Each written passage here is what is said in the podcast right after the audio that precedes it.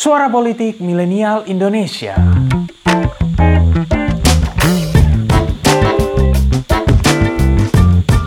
Buruh tani mahasiswa rakyat miskin kota Bersatu padu rebut demokrasi Kita sering mendengarkan lagu ini di setiap aksi mahasiswa Muncul satu pertanyaan Kenapa yang disebutkan mahasiswa di situ buruh dan tani? Apakah pekerjaan lain tidak penting? Sebenarnya penting, tetapi kedua kelompok ini mewakili dua generasi revolusi yang berbeda. Secara umum dalam teori-teori sosial, manusia baru mengalami tiga revolusi. Satu, agrikultur. Dua, industri. Tiga, informasi. Revolusi agrikultur kemudian melahirkan kelas baru yang sebelumnya tidak ada, yakni petani. Industri melahirkan buruh.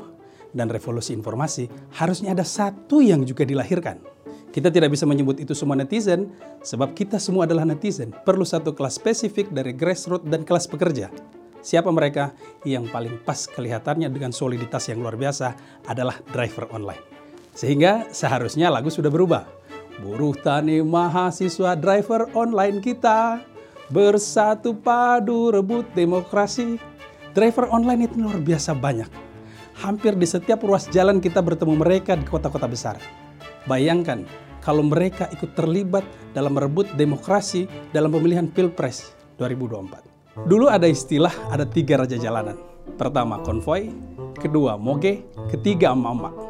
Jadi kalau ketemu salah satu dari mereka, emak-emak konvoy dan moge, sebaiknya minggir. Apalagi kalau sudah emak-emak, naik moge, konvoy. Baiknya pinggir ke jalan, matikan mesin, lalu berdoa. Ya Allah, aku pasrahkan diriku sepenuhnya pada saat ini kepada penguasa langit dan bumi. Jangan dilawan mereka itu. Nah, bagaimana melibatkan para driver online dalam pesta demokrasi? Salah satu cara yang paling penting adalah melibatkan orang yang sudah melahirkan mereka. Siapa dia? Di Indonesia adalah Nadim Makarim. Ada tiga variabel yang sering digunakan dan saya pikir terkonstruk dalam pikiran masyarakat melihat pemilihan presiden. Pertama, identitas politik. Kedua, lingkar kekuasaan. Ketiga, basis massa. Politik identitas itu buruk karena akan melahirkan semacam fanatisme, tetapi identitas politik tidak buruk sama sekali karena setiap orang pasti membutuhkan identitas. Paling populer, nasionalis dan religius. Hampir semua kandidat kita kebanyakan dari kubu nasionalis, sehingga religius cukup mencolok. Apalagi ketika sosok tersebut memiliki terah yang luar biasa, sama seperti Anis dengan kakeknya Air Baswedan. Tapi jangan lupa, ada sosok lain yang sejaman dan juga sahabat Air Baswedan. Siapa dia?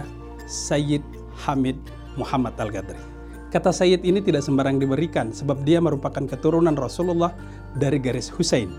Ia juga sejaman dengan Air Baswedan, juga sama-sama diakui sebagai pahlawan perintis kemerdekaan, berkontribusi sebagai penasehat dalam delegasi pergantian Renville, Lingkar Jati maupun KMB. Bahkan dia sekretaris untuk membantu kemerdekaan Tunisia dan Aljazair sehingga penghargaan kepada dia bukan hanya dari Indonesia, tetapi juga dari Tunisia dan Aljazair. Siapa dia? Dia kakek dari Nadiem Makarim. Yang kedua, lingkar kekuasaan. Yang saya maksud di sini adalah lingkar istana. Sebagian besar kandidat ini adalah orang yang dekat dengan istana.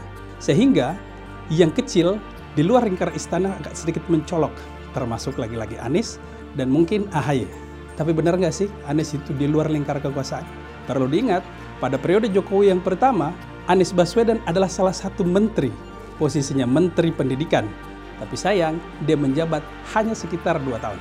Menariknya, pada periode Jokowi yang sekarang, ada menteri di posisi yang sama dan sampai sekarang menyelesaikan tugasnya masih terus berlanjut dan lagi-lagi tidak lain orang itu adalah Nadiem Makarim. Yang ketiga, dari basis massa.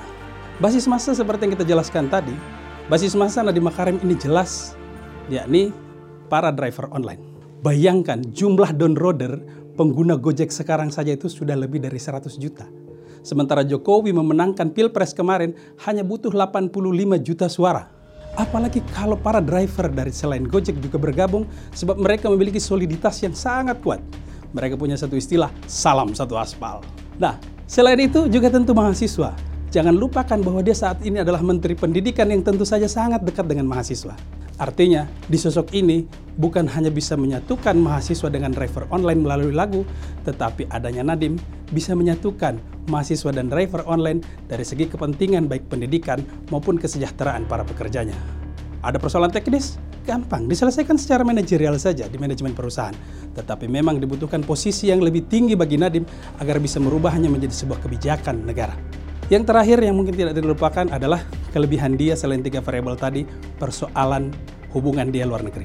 Diplomasi Nadim itu bisa terlihat dari beberapa investor luar biasa yang berada di belakang perusahaannya Goto saat ini. Di situ kita bisa mengatakan ada sosok dari China seperti Alibaba, Tencent, JD, ada Amerika, Facebook, Google, KKR, dan BlackRock. Bahkan juga ada dari Arab seperti Adia dari Abu Dhabi, dari Rusia seperti DST, kita mau katakan bahwa ini bukan sosok yang kaleng-kaleng yang sekali pegang langsung remuk. Nadiem Makarim, sosok yang seperti molen semen. Di situ semuanya diaduk, membangun satu bangunan yang kokoh, kuat untuk Indonesia yang lebih maju. Nah, dari semua itu, seperti yang saya katakan, bahwa buruh, tani, mahasiswa, dan driver online sesungguhnya bisa bersatu pada sosok yang kita bicarakan ini, yakni Nadiem Makarim. Bersama dengan sosok ini, kita bisa benar-benar bernyanyi, buruh tani, mahasiswa, driver online kita bersatu padu rebut demokrasi bersama teman bertualang. Oh, sorry, yang terakhir itu lagu Nijahatori. Bukan itu yang kita bahas kali ini. Terima kasih telah mendengarkan episode kali ini. Nantikan episode-episode selanjutnya dan jangan lupa untuk kunjungi pinterpolitik.com untuk dapatkan informasi seputar fenomena politik di Indonesia. See you next time and bye bye.